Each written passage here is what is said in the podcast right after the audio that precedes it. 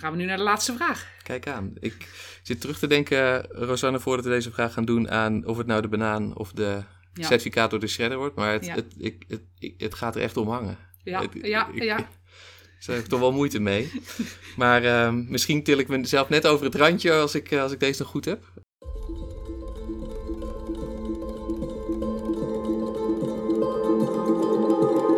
Mijn naam is Rosanne van der Lucht en ik probeer elk jaar een leven te redden. Tot nu toe lukt me dat. In de podcastserie Levensredden ontdek je hoe. Ik geef hierin mijn interpretatie van het boek The Life You Can Save, geschreven door moraalfilosoof Pieter Singer. In elke aflevering bespreek ik een thema en ik doe dat samen met Bram Schaper. En dat ben ik. Ik ben directeur van Stichting Doneer Effectief. En ook ik probeer levens te redden en te verbeteren. Iets wat me ten diepste motiveert en waar ik in 2022 zelfs mijn werk van heb kunnen maken. Ik heb, net als Rosanne, dit indringende boek ook gelezen. En ik denk dat het goed is als hier meer aandacht voor komt.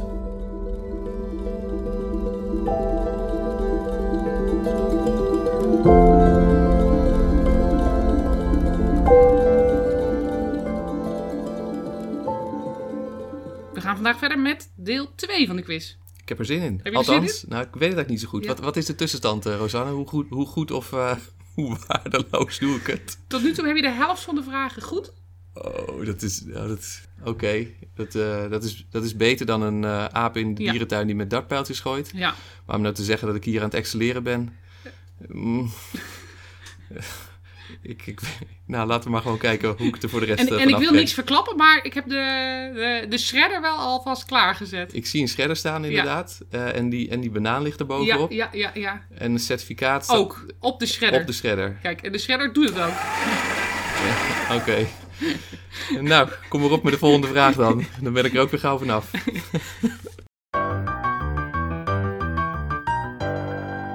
Vraag 15. Wat is er gebeurd met het totale aantal ruwe materialen die zijn gebruikt wereldwijd sinds 2000? Is dat ongeveer gelijk gebleven? Is dat met een derde toegenomen? Of is dat met 70% toegenomen? Ik had hier dat het met 70% is toegenomen. Ik denk dat er veel meer ruwe materialen sinds 2000 gebruikt is. Ja, dat klopt. Ja. Weet je waardoor dat komt? Eh, nou, ik denk door een groeiend eh, welvaartsniveau, eerlijk gezegd. Ja. ja, het is inderdaad vooral door een groeiend welvaartsniveau van arme landen. Ja. Ja. Dus China, India, Ja. eh, Afrika denk ik voor een klein deel misschien. Ja. In rijke landen is het wel gelijk gebleven. Oké. Maar eh, meer rijke mensen betekent meer consumptie. Oké. Ja. Toch een vraag goed. Ja, Ook alweer eens leuk. precies. Je hebt nu meer dan de helft van de vragen goed. Oké, probeer ik dat vast te houden. Volgende vraag. Vraag 16. Hoeveel landen van de 195 hebben enige vorm van sociale zekerheid voor mensen met beperkingen? Is dat ongeveer een kwart? Is dat ongeveer de helft? Of zijn dat bijna alle landen? Ik denk ongeveer de helft. Helaas. Och. Oké, wat is het? Het zijn bijna alle landen. Oh jee. Het zijn er Dat is- 186 van de 195. Dan is ook dit antwoord wat ik heb dus eh, gedateerd. Ja, Eh, maar wel goed nieuws. Dat is Ja. positiever dan Ja. dat ik dacht. Dus Ja. op zichzelf ben ik daar dan wel weer blij mee. Ja. Mooi. En het is wel nog goed om te weten dat de mate van ondersteuning en hoe een beperking wordt gedefinieerd wel verschilt per land en regio.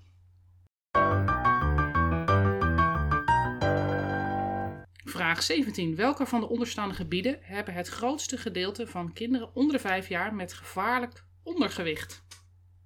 Is dat A. Noord-Afrika en het Midden-Oosten? Is dat B. Zuid-Azië? Of is dat C. Afrika ten zuiden van de Sahara? Ik had het laatste. Afrika ten zuiden van de Sahara is wat ik denk. Dat is niet goed. Wat is het antwoord? Het antwoord is B. Zuid-Azië. Hoe komt dat? Waarom zit het daar? Eh, omdat landen in Zuid-Azië, inclusief India en Pakistan, zoveel vooruitgang hebben geboekt, heeft dit probleem niet de aandacht die het verdient. Kinderen in Zuid-Azië hebben meer dan twee keer zo vaak ondergewicht, namelijk Mhm. 14%, als kinderen ten zuiden van de Sahara. Daar is het 6%. Hm. En ook twee keer zoveel als kinderen in Noord-Afrika en het Midden-Oosten. Daar is het ook ongeveer 6%. Ook ongeveer zes. Ja. En hoe komt dit? We zien vooral beelden van Afrikaanse kinderen met ondergewicht. Mhm. En ik heb even gekeken en op de website van Doneer Effectief staat onder het thema armoede en gezondheid ook vooral. Sub-Sahara-Afrika. Ja, en ook foto's van kinderen uit Ja. Sub-Sahara-Afrika. Klopt. En niet uit Azië. Mhm. En bij GiveWell zie je het ook. Ja, dus hetzelfde Ja. als wat wij dat doen. Ja. Mhm. Ja, dus het is wel een, ehm, ja, goed om te beseffen dat Zuid-Azië ook nog wel aandacht nodig heeft. Ja, ik denk straks ook niet dat we dat, dat we dat deel negeren. Want we zijn op dit moment ook met een groot project bezig in, eh, in Azië. Wat eh, gaat over schoon water eh, toevoer. Goed om te horen dat, het wel, dat er wel aandacht voor is. Vraag 18. In 1990 stierf ongeveer 9% van de kinderen wereldwijd voor de leeftijd van 5 jaar. Wat is het huidige percentage? Is dat meer dan gehalveerd? A. Is dat B ongeveer hetzelfde gebleven? Of is dat C anderhalf keer zoveel? Ik denk A, ongeveer 4 Dus Ja. ongeveer, ja, Meer dan gehalveerd. meer dan gehalveerd. Ja. ja. Ja, in mijn antwoorden staat 4% Maar Ja. jij leest dat makkelijker. eh, Ja, voor ik dacht het is misschien handiger om het een beetje af te ronden. Ja.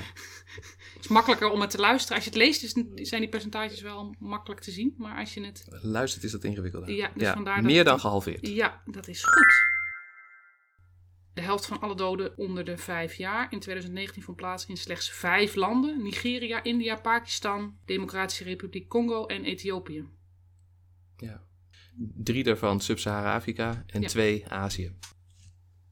Maar het goede nieuws is dat er vaak wel bekend is wat er moet gebeuren. Goede geboortezorg, vaccinaties, malaria-netten en het regelmatig wegen en meten van de kinderen. Ja, dit klinkt als interventies die ik eh, herken. Dus daar, daar ben ik dan wel weer blij mee. Nou, ook iets meer vragen goed Ja. beantwoorden. Oké. Kom maar op in de volgende. Vraag 19. De huidige kindersterfte in Afrika is op hetzelfde niveau als de kindersterfte in Europa in het jaar A 1850, B 1900 of C 1950. Ik had hier 1850. Niet goed. Nee, het is 1950. Dan ben ik benieuwd wat dan de kindersterfte in Europa was in 1850. Want dat is dan nog erbarmelijker waarschijnlijk. Ja, dat was nog erbarmelijker. Eh, in 1850 stierf in Europa 40% van alle kinderen voor de leeftijd van 5 jaar. Mhm, In 1900 was dit percentage teruggelopen tot 33%. mhm. Zulke hoge percentages van kindersterfte zijn er gelukkig op dit moment nergens meer ter wereld. En wat was het in 1950? Het percentage was in 1955 6,4%.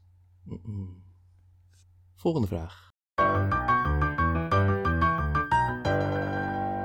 Vraag 20. In 1995 spendeerden alle landen samen 4600 miljoen dollar aan exportsubsidies voor landbouw. Hoe was dit in 2019? Was dat 100 miljoen dollar, dus dat is zo'n 2% van dat bedrag?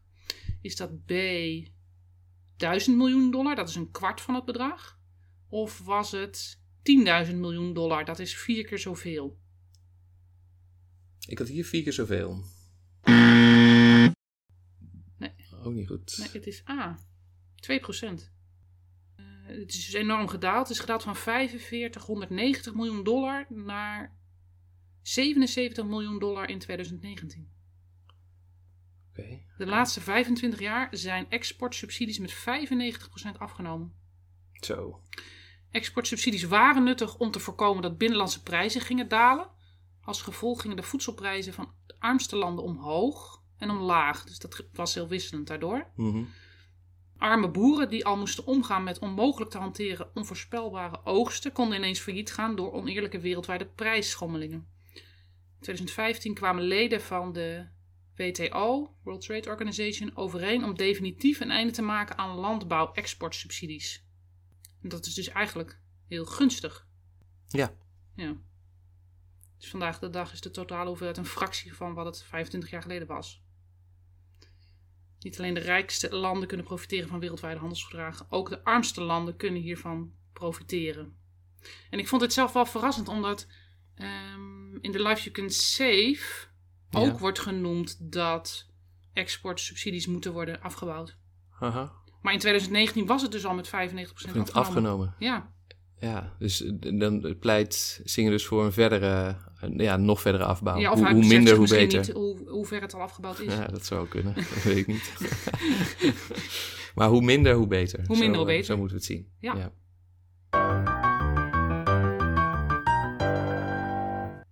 Vraag 21. Tussen 2005 en 2020 werd 57 miljard dollar uitgegeven aan voedselhulp aan arme landen. Hoeveel werd er uitgegeven aan nieuwe gewassen die een hogere opbrengst kunnen geven of extreem weer kunnen overleven? Is dat A 9 miljard dollar? Is dat B 39 miljard dollar of C 69 miljard dollar? Waarbij antwoord A 9 miljard dollar is dus ongeveer een zesde. B is iets meer dan de helft. Of is het C 20% meer? Ik had hier A, 9 miljard dollar. Dat is goed. Kijk. Ja. Kijk.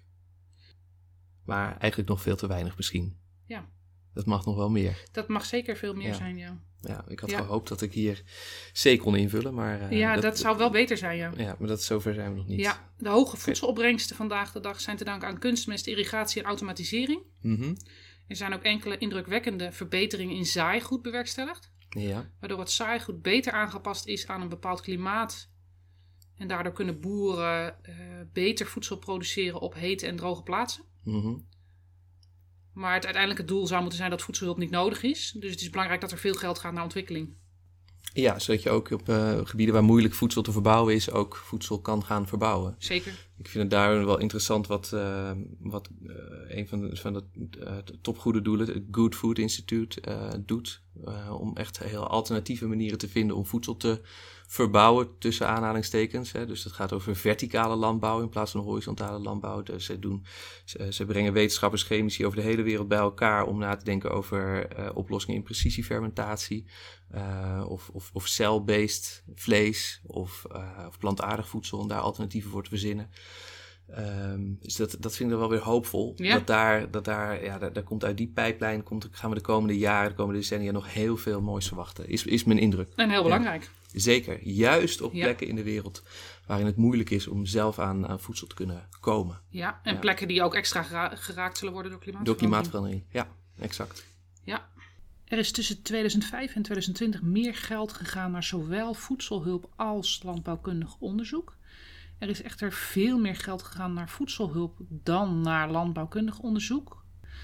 Het is dus belangrijk dat er meer geld gaat naar organisaties als de Good Food Institute.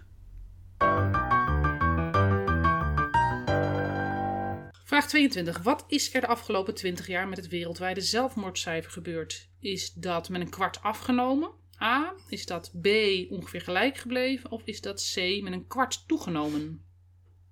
Ik heb echt geen idee. Ehm, ik heb A gekozen omdat ik dat vooral hoop. Eh, Ik hoop dat het met 25% is afgenomen. Maar ik heb hier nog niet. Ik kan me niet herinneren dat ik hier een staartje van, eh, van heb gezien. Nee. Eerder. Maar dat is goed. Het is wel goed. Ja. Nou, kan je er iets over zeggen? Is dat, wat is de aanleiding of de reden daarvan? Weet je dat? Eh, ja, dat komt doordat steeds meer mensen spreken eh, Mhm. over geestelijke gezondheid. Mhm. Dus dat het meer op de agenda staat. Wat een grote stap is in het verminderen van het stigma en het verhogen van het bewustzijn over dit gigantische Mm. wereldwijde gezondheidsprobleem. Probleem. Ja. Ja. En we kunnen daardoor wel de indruk krijgen dat het probleem groter wordt, omdat er meer aandacht voor is. Maar dat is dus eigenlijk niet zo. Het wordt juist kleiner. Het wordt kleiner. Oké. Zelfmoordcijfers nemen af door preventieve maatregelen als het verbeteren van toegang tot hulplijnen, verminderen van beschikbaarheid van wapens en pesticiden, Mhm. betere geestelijke gezondheidszorg eh, en alcohol minder toegankelijk maken. Het belangrijkste is dat vooral in middeninkomenslanden als India en China economische groei ertoe heeft geleid dat meer mensen voldoening halen uit hun leven. Oké. Dus dat is ook een reden waardoor ja, de Ja. zelfmoordcijfers afnemen. Ja.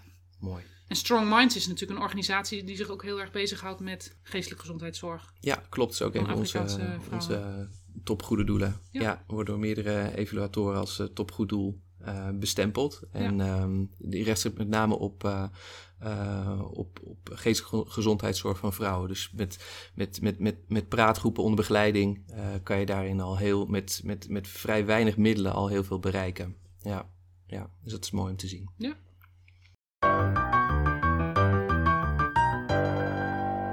Vraag 23. Laaginkomenslanden van vandaag hadden in 1970 een levensverwachting van 44 jaar. Hoe hoog is dat vandaag de dag? Is dat A 40 jaar, B 50 jaar of C 60 jaar?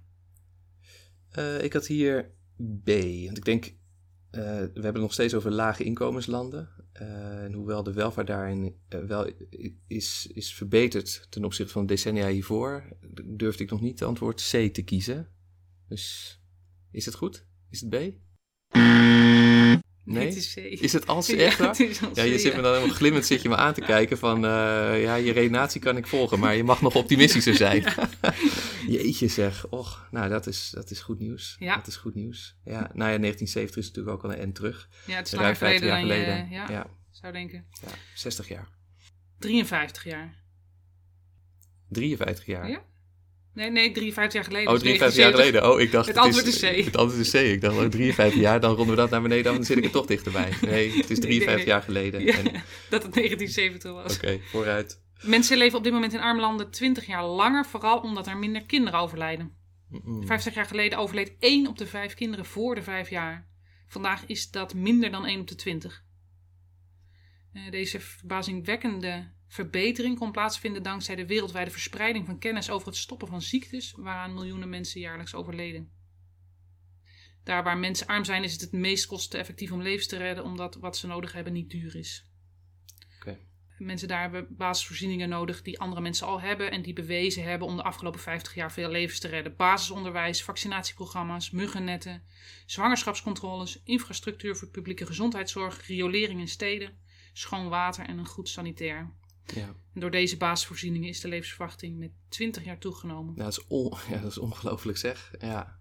Ja. Enorm, hè? Ja, ja, ja. en Ja. de dingen die je zo op een rijtje noemt, dat zijn allemaal ook zaken, of de meeste waarvan we ook werken, eh, aan werken om dat te verbeteren. Ja.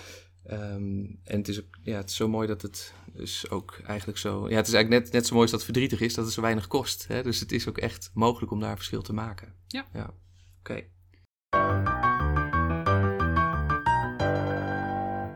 Vraag 24. De gemiddelde levensverwachting wereldwijd is op dit moment 72 jaar. Wat was de levensverwachting 100 jaar geleden?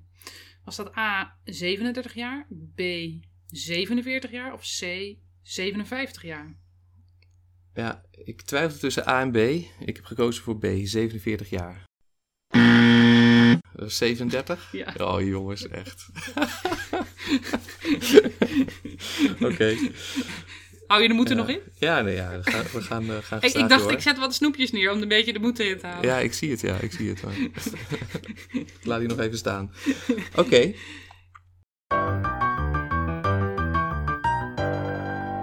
In welk gedeelte van alle scholen ter wereld hebben kinderen zeep en water om hun handen te wassen? Is dat A ongeveer 25%, dus een kwart? Mhm. Is dat iets meer dan de helft? B 55%? Of is dat C 85%, dus meer dan drie kwart? Ik had eh, C, meer dan drie kwart, 85 procent. Het is 55%. Oh, oké. Dus dit is minder goed dan je zou hopen. Ja. Dit, ik, positief. ik had gehoopt dat het 50% zou zijn, omdat ik denk, ja, hoeveel moeite is het om, om, om te zorgen voor zeep? Dus dat, dat kan, dat kan Ja. toch niet ingewikkeld zijn, Nee. zou je zeggen. Nee. Ehm, en, maar, nou ja, we zijn nog niet zo ver. Nee. Hier is nog werk te doen. Ja. Oké. Hoeveel landen van de 194 nemen deel aan een van de programma's van de WHO voor kindervaccinatie? Is dat A een derde, B de helft of C allemaal? Ja, ik had, ik had hierbij de helft. Ik, ik twijfelde, want ik dacht, ja, ehm, dat, dat zou er eigenlijk allemaal moeten zijn. Maar ik kan het gewoon bijna niet geloven dat het ze allemaal zijn. Dus heb ik toch maar conservatief gedacht. Het was? Zijn ze allemaal? Het zijn ze toch allemaal? Ja. Oké, ja. Nou, dat is, eh, ja, ik, zie, ik zit hier te glimlachen terwijl ik het antwoord fout heb. Maar eh, dat is goed nieuws. Het is fijn dat, je goed het antwoord fout hebt. Nieuws. Ja, inderdaad. Nou ja, dat is, Inderdaad. positiever dan je zou Ja, denken. ja, ja, vaccinatie is dus een, eh, dat, dat is een basis van eh, Ja. het zo snel mogelijk regelen. Ja, ja, ja. Wereldwijd leven er 38 miljoen mensen met HIV. Hoeveel van hen hebben anti-HIV-medicatie gehad in 2021?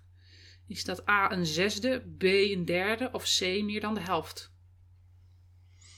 Eh, ik had hier ongeveer een derde. B. Het is meer dan de helft. Toen het virus in de jaren 80 werd ontdekt, was er geen behandeling. En toen er behandelingen kwamen, waren ze zo duur dat slechts enkele ze konden betalen. En vandaag de dag ontvangt de meerderheid van de mensen met HIV medicatie.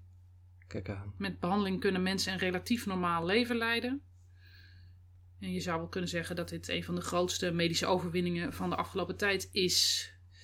De COVID-pandemie heeft de toegang tot behandeling wel moeilijker gemaakt. Mhm. En er was ook enig bewijs dat mensen met HIV een grotere kans hadden om te overlijden aan een COVID-infectie. HIV-preventie ging achteruit en er werd minder getest op HIV tijdens de COVID-pandemie, wat mogelijk heeft geleid tot een hogere HIV-overdracht, ook aan baby's en kinderen.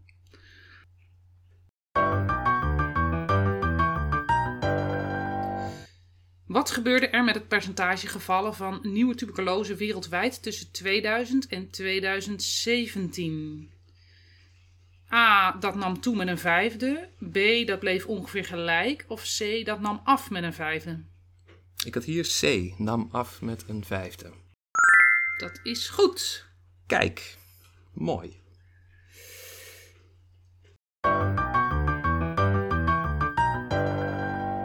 Gaan we nu naar de laatste vraag. Kijk aan. Ik zit terug te denken, Rosanne, voordat we deze vraag gaan doen aan of het nou de banaan of de Ja. certificaat door de shredder wordt. Maar het, Ja. het, ik, het, het gaat er echt om hangen. Ja, Het- ja, ik- ja.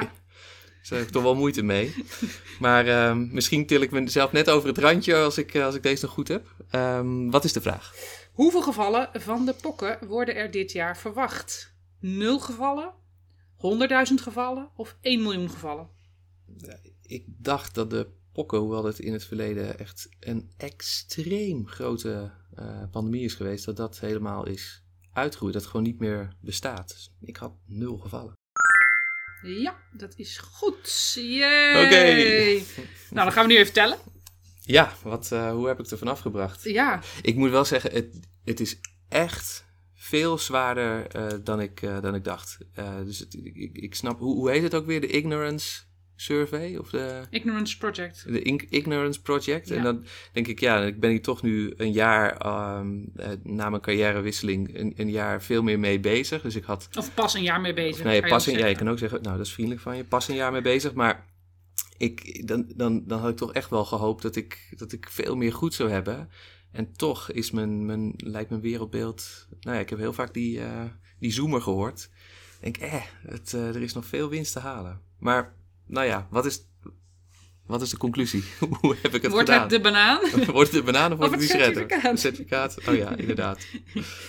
Je hebt 16 vragen fout Ja, en 13 vragen goed. ja, Dat betekent dat je 45% goed heb. goed hebt. Oh, shit. Nee, dat is Oh. meer dan, dan 33%. Oh, zo. En bij meer dan 33% zou je het certificaat, certificaat krijgen. krijgen. Dus, Dus- goed nieuws. De banaan kan door de shredder. ja. Oké. Nou, kijk, Rosanne overhandigt mij nu een prachtig certificaat. UN Goal 1 No Poverty awarded to Bram Schaper. Kijk eens aan. Met eh, helemaal eh, de handtekeningen van ehm, Ja. eh, de, de Ja. kinderen van de befaamde professor Hans Roosling. Dus Prachtig. ondanks dat het zwaar was, ben je wel geslaagd. Ja, mag ik zeggen dat het niet zo voelt? Dat, maar, Allah, ik denk niet... Banaantje erbij? Ja. Laat ik die wel nemen, ja, inderdaad. Lekker. maar wel, goed, wel mooi en goed om dit, eh, om dit te doen. Eh, om echt een update te krijgen van ho- hoe het met de wereld is. Want dat is, eh, dat is broodnodig. Ja. Het was eh, decennia eh, geleden ehm, echt heel veel slechter dan vandaag de dag. En er is ook nog een hoop om aan te werken.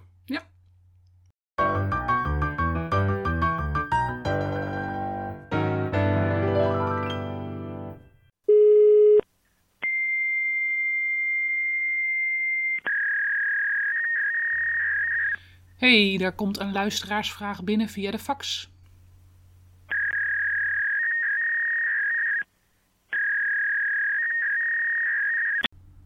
Eens even kijken wat er in dit faxbericht staat. Hallo Rosanne, leuke podcast. Mijn geluksgevoel daalde even toen je het percentage van 10% noemde. Er zijn mensen zoals ik die wel aan goede doelen geven, maar waarvan het inkomen zodanig is dat het genoemde percentage niet haalbaar is. Had even een soort van schuldgevoel. Groet Marijke. Ja, ja. Ja, dat kan ik me, dat kan ik me voorstellen. Hoewel het natuurlijk dat helemaal niet hoeft. Er is niemand die je zegt dat je 10% zou moeten doneren. Het is fantastisch als je dat kan. Uh, maar je kan ook redeneren, ja, als je multimiljonair bent, dan is 10% misschien nog een beetje aan de lage kant. Hè? Dan zou je misschien 20, 30 of 50% moeten doneren. Um, dus het gaat niet om die 10%. Het gaat er vooral om dat de belangrijkste keuze die je maakt is dat als je doneert, dat je dan uh, uh, ook aan effectieve goede doelen geeft. Ik denk dat dat het belangrijkste is. Als ja, en omdat het verschil misschien ook zo groot is. Ja. Dat de impact die je dan met de euro die je doneert, zeg maar aan een effectief goed doel net zo groot is als de impact die je hebt. Als je 100, of 1000 euro aan een, aan, een overig goed doel doneert. Ja, aan een gemiddeld goed doel. Ja, ja. exact. Dus ik, kan me, ik, ik herinner me dat ik een, het is al wel een aantal maanden geleden, dat ik iemand um, had donatief benaderd via onze helpdesk. En ik had haar aan de lijn. En zij gaf aan dat ze op de Nederlandse armoedegrens leefde. En dat ze 2 euro per maand doneerde. En dat deed ze al heel lang uh, aan, een, uh, aan een ander goed doel, een overig goed doel. En ze vroeg of het zin had om die donatie um, ja, te veranderen naar een effectief goed doel. Wat goed dat ze er zo over nadacht. Ja, ja ik had een brok in mijn keel. Ik, dat, dat vond ik zo mooi. En ja, ik zei ook, ja, natuurlijk heeft dat, heeft dat heeft zin. En ze deed zo bescheiden van, ja, wat maakt dat uit, die 2 euro? Maar dat, dat maakt uit. Juist omdat het, het verschil al, uh, al een factor 100 is ten opzichte van een gemiddeld goed doel. Dus, uh, dus die, die, die 2 euro worden ineens 200 euro waard. Ja, precies. En ja, dat, dat was, ik denk dat dat, dat was voor mij, ik vond het een heel mooi gesprek. En ik vond het waanzinnig dat zij er zo over, uh, over nadacht, inderdaad. Dus een schuldgevoel is in het geheel niet nodig. Nee, de focus moet niet liggen op hoeveel procent je doneert, maar waaraan je doneert. Ja, ja inderdaad. Mooie vraag. En dan hebben we ook nog wat, um, wat reacties gekregen. Ja. Zullen we die ook nog even, uh, even doen? Nou, we hebben een reactie van Koen, die zegt wat een leuke podcast. Indra zegt uh, wat een mooie podcast. En ik vond het oprecht inspirerend, boeiend, scherp en grappig. Groetjes Bianca. Nou, dankjewel Koen, Indra en Bianca. Wat tof dat jullie dat ons uh, meegeven. Dat vinden we hartstikke leuk. Wij zitten hier, dat kan niemand zien, maar wij zitten hier met een glimlach op onze mond. Uh, dat, dat, ja, dat dit soort reacties ons bereiken. En uh, ja, natuurlijk alle, die, die, stapels postzakken met allemaal negatieve reacties, ja, die behandelen we hier gewoon niet. die hebben we al door de scherren gegooid. al door de gegooid. Nee, maar uh, uit, uiteraard, uh, ook als we kritische reacties krijgen, dan gaan we die hier ook gewoon behandelen. Maar ja, blijf ons vooral mailen, appen, faxen en, en bellen.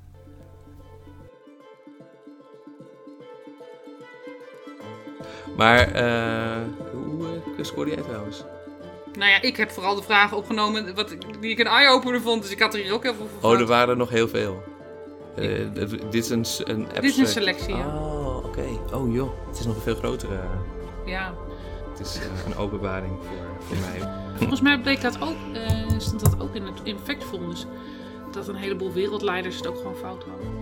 Dat helpt. Dat is voor mij ook prettig. Troostend. Ja, ja, ja.